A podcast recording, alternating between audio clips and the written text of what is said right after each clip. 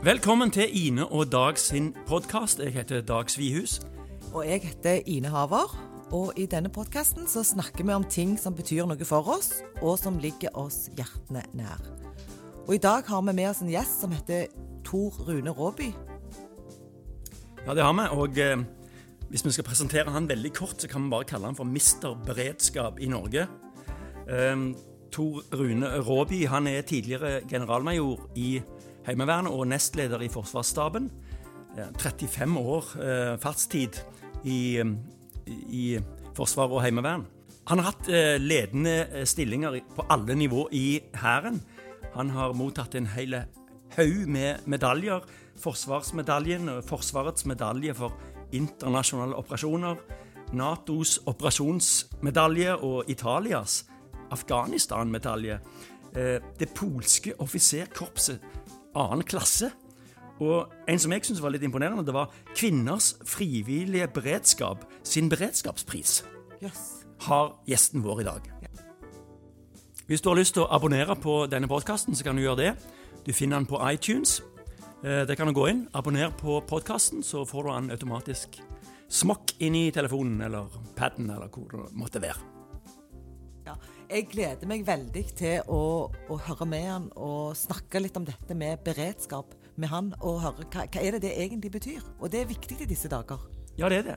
Eh, jeg ser litt på beredskap som, som å bruke At vi alltid bruker sikkerhetsbelte i bilen. Altså, du, du, tar det på for å være beredt i tilfelle det skulle skje noe. Det er ikke så veldig stor sannsynlighet for at det skjer noe, men du vil eh, aldri kjøre uten å ta på sikkerhetsbeltet. Og vi har jo hatt en tid nå hvor det har vært veldig mye sparing. altså En har, en lagt ned sykehus, en har samlokalisert politidistrikt, en har strømlinjeforma etater, og alle må jobbe smartere. og ja, Hvor smart har det vært, egentlig, med alle disse kuttene? Ja, jeg, altså Beredskap det er jo ikke et ord som jeg har hatt med meg i på en måte hverdagen før nå. Mm. Eh, men nå har det jo fått en annen betydning for meg. Og Spesielt òg når jeg ser på disse heimevernesoldatene som står eh, rundt på grenseoverganger, som står på flyplassene, som virkelig står på for landet når vi er i denne krisen. Det er da de blir veldig synlige. Det er da jeg tenker de, de er viktige. De heier jeg på. Mm. Ja, vi Nå er jo um, Tor Rune Råby, dagens gjest, han er jo, han er jo pensjonert seg. Uh, men i dag så driver han et um, et eget selskap som handler litt om lederskap i krise. Det heter Crisis Leadership Group. Folk kan søke opp det på nettet hvis de vil, så kan en se litt hva han driver på med i dag. Men skal vi ta og høre litt med Skal vi ta og høre litt med Tor Rune på hva han har å si? Ja, jeg tror vi ringer han opp.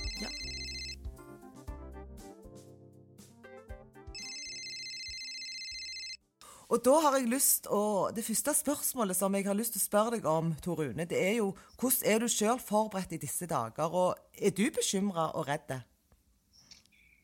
Ja, altså jeg er, jo, jeg er jo ikke redd, men eh, det er klart at det vi ser rundt oss nå, er jo absolutt grunn til å være bekymra for. Uten at jeg ser noen grunn til å, å få panikk eller å bli kjemperedd. Men jeg tror det er innmari viktig å være tro mot eh, de eh, bestemmelsene som er gitt ut nå fra folkehelse. Ehm, det, det, tror jeg er svært viktig. I tillegg så selvfølgelig har jeg fulgt DSB sine anbefalinger om at vi har et lite kriselager hjemme. Så eh, du kan jo gjerne litt spøkefullt kalle meg for en prepper. ja. Og når du sier at du har et kriselager hjemme, da blir jeg veldig nysgjerrig eh, og lurer på vil du dele det med oss, eller er det litt hemmelig? Eh, nei da, det er ikke hemmelig. Jeg sørger for å ha en del sånne grunnleggende ting i, eh, ekstra i huset. Det er sånne ting som fyrstikker, stearinlys, eh, en varmekilde, litt boksmat, litt toalettpapir uten at jeg har hamstra. I det hele tatt ha noen så, Og vann, ekstra vann og en del tørrmat og sånne ting. Så det har vi stående i skapet. sånn at vi har i hvert fall en, som DSB også anbefaler, i hvert fall en tre-fire dager med hjelp hvis strømmen skulle gå og matforsyningen skulle bli borte en periode. I dag så melder NRK om at um, hvor mye smittevernutstyr som det er tilgjengelig i Norge, det skal holdes hemmelig. Uh, Visstnok pga. at det kunne svekke Norges posisjon i forhold til jeg vet ikke, handel med sånne varer. Eh, hva syns du om en sånn beslutning? Nei, jeg tenker at uh, Slik som jeg har oppfatta situasjonen, så har jo Direktoratet for samfunnsberedskap uh, de har jo altså allerede i 20, tror det var 2018 vært veldig tydelige på at Norge kunne bli truffet av en pandemi. Mm. Og Basert på det som ble sagt fra DSB, så mener jeg at vi har hatt årevis på å forberede oss. Og en pandemi det krever bl.a. smittevernutstyr. Eh, så eh, at eh, vi har nå havnet i en situasjon, tror jeg, over mange år, hvor på en måte de som styrer samfunnet vårt, både næringslivsmessig og politisk, har altså gjort det jeg kaller optimalisert samfunnet. Slik at vi har altså så sårbare logistikk- og verdikjeder, og vi har ingen buffer. Og Derigjennom så har vi heller også da en svak beredskap for bl.a. å håndtere pandemi. Så det syns jeg er betenkelig. Ja, det, det, er jeg helt enig i. Eh, og som sagt så har vi jo vært innom på det tidligere, at du var tidligere sjef for Heimevernet fram til 2017. Og har store deler av livet ditt jobba i Forsvaret. Og hvor viktig tenker du at Heimevernet er for befolkningen i en sånn en krise som vi er i i dag?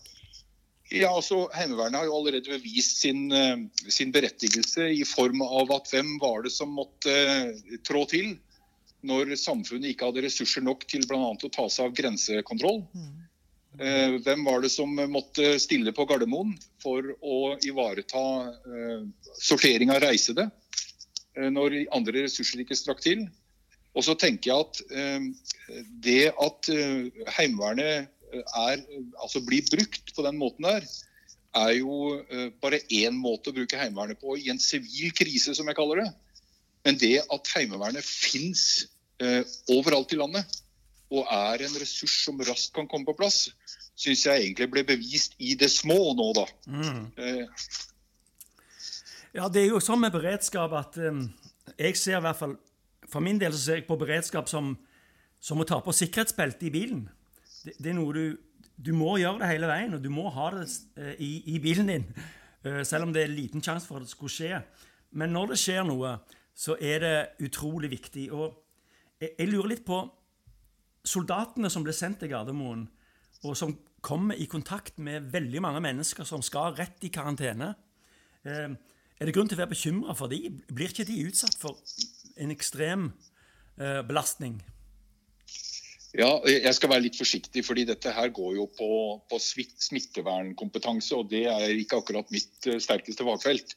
Jeg konstaterer bare at Forsvaret selv har vel uttalt at de mener at eh, det som er blitt gjort, er i henhold til det som er eh, riktig og viktig i forhold til smittevern. Og, og det må jo nesten jeg bare forholde meg til. Jeg, jeg kan nesten ikke stille spørsmål ved det. Nei. Nei, og jeg, og jeg, tenker litt sånn at jeg er helt enig med det at eh, Heimevernet har jo allerede blitt veldig synlige. Og de kan vel på kort tid òg, sånn som jeg har forstått, stille opp med veldig mange personer hvis det trengs. Stemmer ikke det? Jo, og eh, så vidt jeg forsto ut fra hva som finnes av offentlige opplysninger, så var jo den eh, avdelingen på Gardermoen på plass fra de ble varsla til de var på plass, tok det tolv timer. Det er uhyre raskt. Ja, det syns jeg er kjempeflott. Ja, Det er imponerende. Og så tror jo jeg òg at det er sånn at den vanlige mannen i gaten eh, har gjerne ikke en, en, relasjon til Heimevernet, for de vet egentlig ikke hva er egentlig Heimevernet. Men jeg tenker at nå i disse dager så eh, blir de synlige på en annen måte, som gjør at, at folk får litt øyne opp for hva arbeid òg Heimevernet gjør. Og da lurer ja. jeg ja, og da lurer jeg jo òg på om Tenker du at vi har en regjering i dag som har satsa godt nok på å ruste opp eh, altså forsvaret vårt. Og Heimevernet. Og Heimevernet i Norge. Ja, det var et stort spørsmål. jeg har jo vært eh, jeg må, jeg må, uttale meg min fortid sjef som sjef Heimevernet. Og jeg tenker at i hele min periode som sjef Heimevernet var jeg veldig opptatt av at Heimevernet måtte bli mer kjent mm. og mer anerkjent. Og det hadde vi jo en kommunikasjonsstrategi for. Og da ble det fortalt meg i ettertid at um, Heimevernet gikk fra å være ukjent til å bli rikspolitikk. Mm. Uh, og det syns jo jeg var uh, flott. Ja. Uh, og jeg tenker at, at det, som er, det som er forskjellen på Heimevernet og resten av Forsvaret, det er at det skal ganske små ressursøkninger til for at du skal kunne få større effekt ut av Heimevernet. og Det var på en måte mitt budskap i den perioden. Så ser jeg vel også nå at nå har vel Heimevernet fått litt mer ressurser da, og det er jo jeg veldig glad for. Så, så um, sakte, men sikkert så tror jeg at betydningen av Heimevernet blir mer og mer anerkjent. Mm. Ja, for det du var litt inne på, det er jo eh, all denne mm, alle disse endringene vi har hatt i samfunnet. Det har blitt lagt ned sykehus, ting slås sammen. Det er politidistrikt eh, spares det på. Det er omstrukturering hit og dit. Og folk skal liksom jobbe så mye smartere. Og hva tror du det er, uten at du trenger å ta og, og gå rett mot eh, dagens regjering, men er ikke det litt bekymringsfullt i forhold til beredskapen vår? Ja, altså Her er det jo det er jo spørs hvem det er som styrer. Altså Økonomene er jo, er jo de som ofte har vært eh, veldig opptatt av å sentralisere og effektivisere. Eh, for på den måten å få mest mulig effekt ut av hver krone. Det har jo liksom vært budskapet. Men slik som jeg opplever det, uten at eh, jeg har noen som form for politisk tilknytning til noe parti, så mener jeg jo at det er jo i all hovedsak ute i landet at Eh, vi skaper våre inntekter. Mm. Det er jo ikke nødvendigvis eh, på det sentrale Østlandet at inntektene blir skapt. Det er jo i oljebransjen langs kysten med havbruk og fiske og skipsbygging og uh, sjøtransport og gass som sagt, og olje. Det er jo her de store inntektene ligger. Uh, og da må vi jo nesten ha da må vi jo nesten ha befolkning rundt i landet. Og det i seg sjøl er jo en fordel for et heimevern, at det finnes folk rundt omkring i hele landet. For det, det er jo der vi henter våre soldater. Ja, meg og Dag heier veldig på, på Heimevernet. Men i dag så jobber jo du med på en måte kriseberedskap. Og da har jeg lyst til å spørre deg om en ting. Eh, når jeg sier beredskapstankegang, hva legger du i det begrepet? Beredskap, det er å være klar til å håndtere det ukjente med mennesker, materiell, penger og mentalitet og organisasjon på en sånn måte at du håndterer det uforutsette som skjer. Det er det som er beredskap. Og, og Forsvaret for eksempel, er jo en eneste stor beredskapsorganisasjon. Den er jo organisert på den måten jeg sa nå, mm. nettopp for å kunne håndtere det som vi antar er det minst sannsynlige, mm. men som faktisk kan oppstå. Mm. Så kan, Sånn tenker jeg om beredskap. Kan det sivile samfunn, eh, bedrifter osv., kan de lære noe av, eh, av Heimevernet og Forsvaret om beredskap? Ja, det mener jeg i høyeste grad. Det, det er litt pussig at du spør, fordi jeg kommer direkte fra et kundemøte med en direktør Eh, i en stor bedrift som, eh, som, ville diskutere beredskap og krisehåndtering og kriseledelse med meg. Mm. Og det forteller meg og, og, og hvor, hvor, hvor, på en måte budskapet var at her er vi ikke bevisst nok på hva dette faktisk innebærer, og vi trodde aldri at noe slikt skulle treffe oss. Ja. Ja, og da er jo liksom, Hva råd skal vi gi til de lederne i sivile bedrifter og etater om hvordan man skal forberede seg på kriser? Det er vel kanskje det han, han ville snakke med deg om i dag? Det er helt riktig. Det var faktisk en hund. en hund, ja. Og, og ja jo... Så, så, så det, det, det, var en, en kvinnelig leder. Ja. Så det som Det jeg tenker, er at bedrifter og kanskje en del etater, hva vet jeg, burde bli flinkere til å forstå at de bør kanskje ha noe som vi kaller kriseledelseshjul. Altså De bør ha en prosess hvor de identifiserer mulige problemstillinger og scenarioer. Så bør de lage en enkel plan for det. Så bør de trene og øve på den planen. Så må de kunne håndtere den krisen som oppstår gjennom bruk av plan eller å improvisere ut fra planen. Og så må de evaluere og lære av det de gjorde, for å bli bedre neste gang. Mm. Det tenker jeg er et sånt hjul som alle bedrifter og etater og sånt, og som tenker beredskap, må tenke gjennom. Mm. Er det vanskelig å få øh, si, øh, sivile og offentlige virksomheter til å bli med på denne beredskapstankegangen? Ja, denne vik viktigheten av ja, ja. beredskapstankegangen. At det er ikke bare sånn man setter sånn check, check, check inn på en HMS-liste. Ja, vi har det hos oss, men egentlig så går vi ikke inn i dybden på det.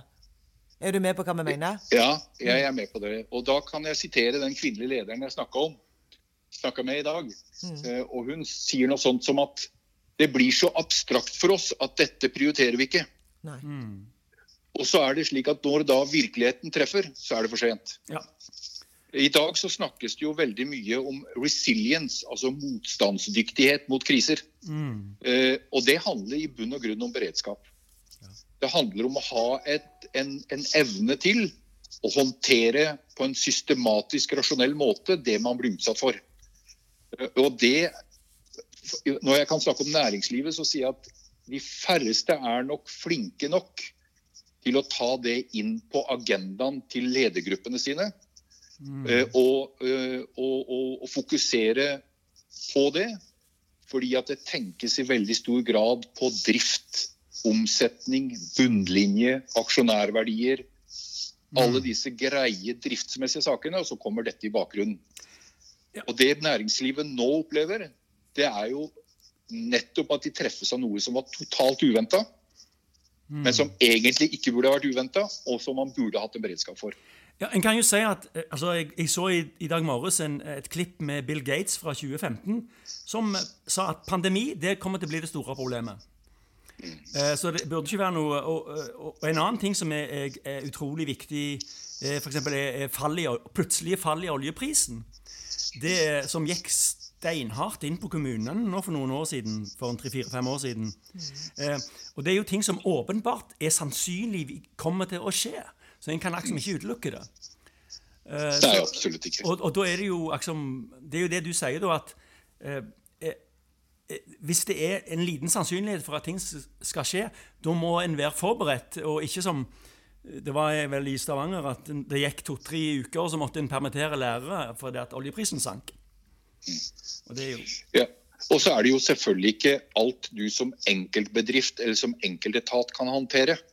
Eh, og da gjelder det det her samhandlingsprinsippet. Altså at du må, du må, du må i forberedelsesfasen, altså i en, i en fase hvor du skal forberede deg for sånne mulige situasjoner, så må du finne ut under denne her kriseidentifikasjonsfasen så må du finne ut hvem er, hvem er interessentene, hvem er aktørene som jeg må ha et forhold til hvis en krise treffer meg. Ja. Ikke sant? Som f.eks. oljeservicebransjen. Det er jo ikke bare oljeselskapene de har interessentaktører i forhold til, men det er jo i forhold til alle andre leverandører også. Konkurrenter, eh, andre kunder, sine egne ansatte, eh, media. Altså Det er jo en rekke interesseaktører som, har, som det er behov for å ha kan du si, en beredskap for å håndtere. ja. Og det er her man ofte går seg vill og finner det for abstrakt, og så blir det ikke gjort. Ja. Du, og så er det jo én ting jeg lurer på, Tor Rune. For du har jo jobbet operativt i mange, mange år. Og når på en måte en sånn en krise eh, som har skjedd, skjer nå, savner du det der? Å være der ute i feltet, jobbe operativt?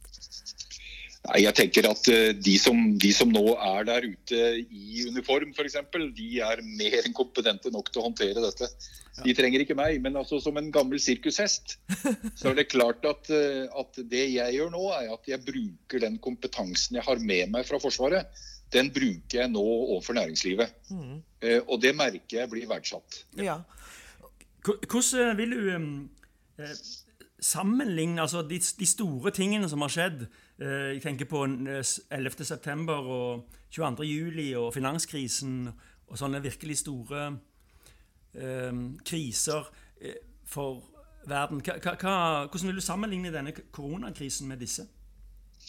Jeg vil jo si det at uh, denne koronakrisen, sånn som den ser ut til å utvikle seg akkurat nå, er jo langt tøffere enn finanskrisen. Fordi den har flere faktorer inne samtidig. Én ting er den, rent, den finansielle effekten av det. eh, Ved at, eh, ved at næringslivet tas ned, folk holdes hjemme. Alt av eh, interesseaktører rundt alt som har med publikum å gjøre, blir borte. Eh, I tillegg til at en eh, sykdomsutbredelse og smitteutspredelse skal håndteres, så har du jo på en måte en dobbel krise. Eh, Og når da oljeprisen i tillegg faller i bånn, så har du jo egentlig den perfekte stormen. Ja. Ja. Og jeg, jeg, tror jo at det, de fleste av oss det er jo sånn at når vi legger oss om kvelden, så tenker jeg nei, nei, i morgen når jeg våkner, da er dette ikke sant. Dette skjer ikke. For jeg, jeg tror de færreste av oss hadde sett dette for oss. Jeg har alltid tenkt sånn at hvis det var noe, noe som skulle skje, så har jeg vært bekymra for terror. Jeg har ikke tenkt på pandemi. Og det tror jeg, jeg, jeg tror ikke jeg er alene om det.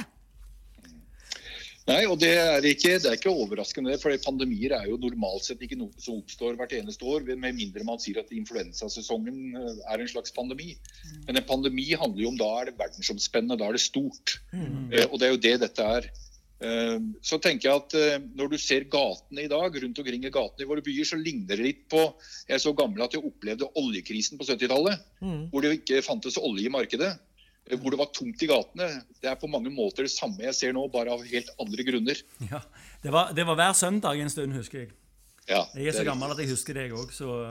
Men når du sier 'den perfekte stormen', eh, er der, tror du dere har blitt lagd scenarioer for noe sånt som dette? Ja, jeg tror det. Altså, Direktoratet for sivil samfunnsberedskap har laget scenario for dette. Ja. Eh, og det vet jeg er formidla til våre statlige myndigheter. Det er jo kjent i det offentlige. Eh, og, og, så skal ikke jeg uttale meg hvor dypt man har øvd og trent på denne type saker. Men hvis man ser realitetene i det som har skjedd fra pandemien ble kjent i Kina, fram til vi nå ser de tiltakene vi har gjort hjemme, så kan man i hvert fall eh, stille seg litt spørrende til om man faktisk har øvd systemet for å håndtere det. Det er i hvert fall lov å stille spørsmål om det. Ja så, så, skal man være forsiktig med å kritisere noe som er veldig veldig komplisert og veldig, veldig vanskelig å håndtere. Men jeg gjentar at DSB har altså presentert dette scenarioet for noen år tilbake. Mm. Uh, og det scenarioet er blitt, uh, så vidt meg bekjent, så har det blitt uh, altså fremstilt overfor de som styrer. så hva som er blitt gjort derfra, det kan ikke jeg uttale meg om. Jeg leste jo òg i Vårt Land, bare for å sammenligne med et nordisk land, Finland. Eh, der sier de der, I Finland der står beredskapstanken. Den står fjellstøtt. At eh, Finland er i en særstilling. Eh, har du noen tanker om det? Det eneste jeg skal mene så mye om rundt når det gjelder Finland, det er i hvert fall den forsvarsmessige beredskapstanken. Den har vært, den har vært fjellstø i Finland i alle år. Mm. Og Derfor er Finland forsvarsmessig i en helt annen posisjon enn resten av Norden og jeg vil si resten av Europa. Um, og finnene har jo lært av sine erfaringer. De har også hatt to tunge kriger med Russland. Uh, og de, de, kan og forstår beredskap og det at samfunnet er klar. Mm, mm. Men du, litt sånn avslutningsvis. Eh, tror du denne koronapandemien kommer nå til å føre til at offentlige og private virksomheter nå tenker nytt om krisehåndtering og beredskap i fremtida, og at vi har et samfunn som vil satse mer på Heimevernet, eller Forsvaret? Jeg tenker at uh, i realitetenes verden så er glemselskurvene bratte. um, ja, så, så, jeg er usikker på det. Jeg håper at det er uh, en betydelig større fokus på dette i fremtida etter å ha opplevd det her. Um, og så tenker jeg det at eh, det å satse ressurser på resilience også rent forsvarsmessig kommer også sivilsamfunnet til gode. Så det er liksom ikke sånn at bare man putter ressurser på forsvar og heimevern, så liksom bare putter man ressurser på det.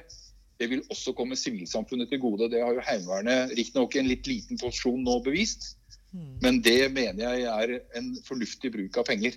Mm. Så, så, eh, jeg håper og tror at bortenfor denne pandemien så vil det også åpne seg muligheter som er positive. Ikke bare for Forsvaret og Heimevern, men også for samfunnet for øvrig. Fordi Det tror jeg det er viktig å fokusere på. Hva er de positive mulighetene etter at krisen er ferdig? Mm. Fordi nå er det veldig mye begravelse ned i det vonde og vanskelige. Men man må se bortenfor. Og hva kommer så av positivt? Hva kan vi få ut av dette? Det må det også fokuseres på, tenker jeg. Ja, og, og, da tenker jeg det. Om ett år, Tor Rune, da skal vi snakkes igjen. Og da skal vi sitte og reflektere over denne samtalen vi hadde i dag. Og så skal vi se har det skjedd noe. For forhåpentligvis om et år så ser verden annerledes ut enn det han gjør i dag. La oss håpe det. Ja. Tusen takk for at du hadde lyst til å være med oss. Det var veldig kjekt at du tok deg tid. Ja, tusen takk. Takk for at dere inviterte meg. Ja. Ha det fint. Ha det. Ha det.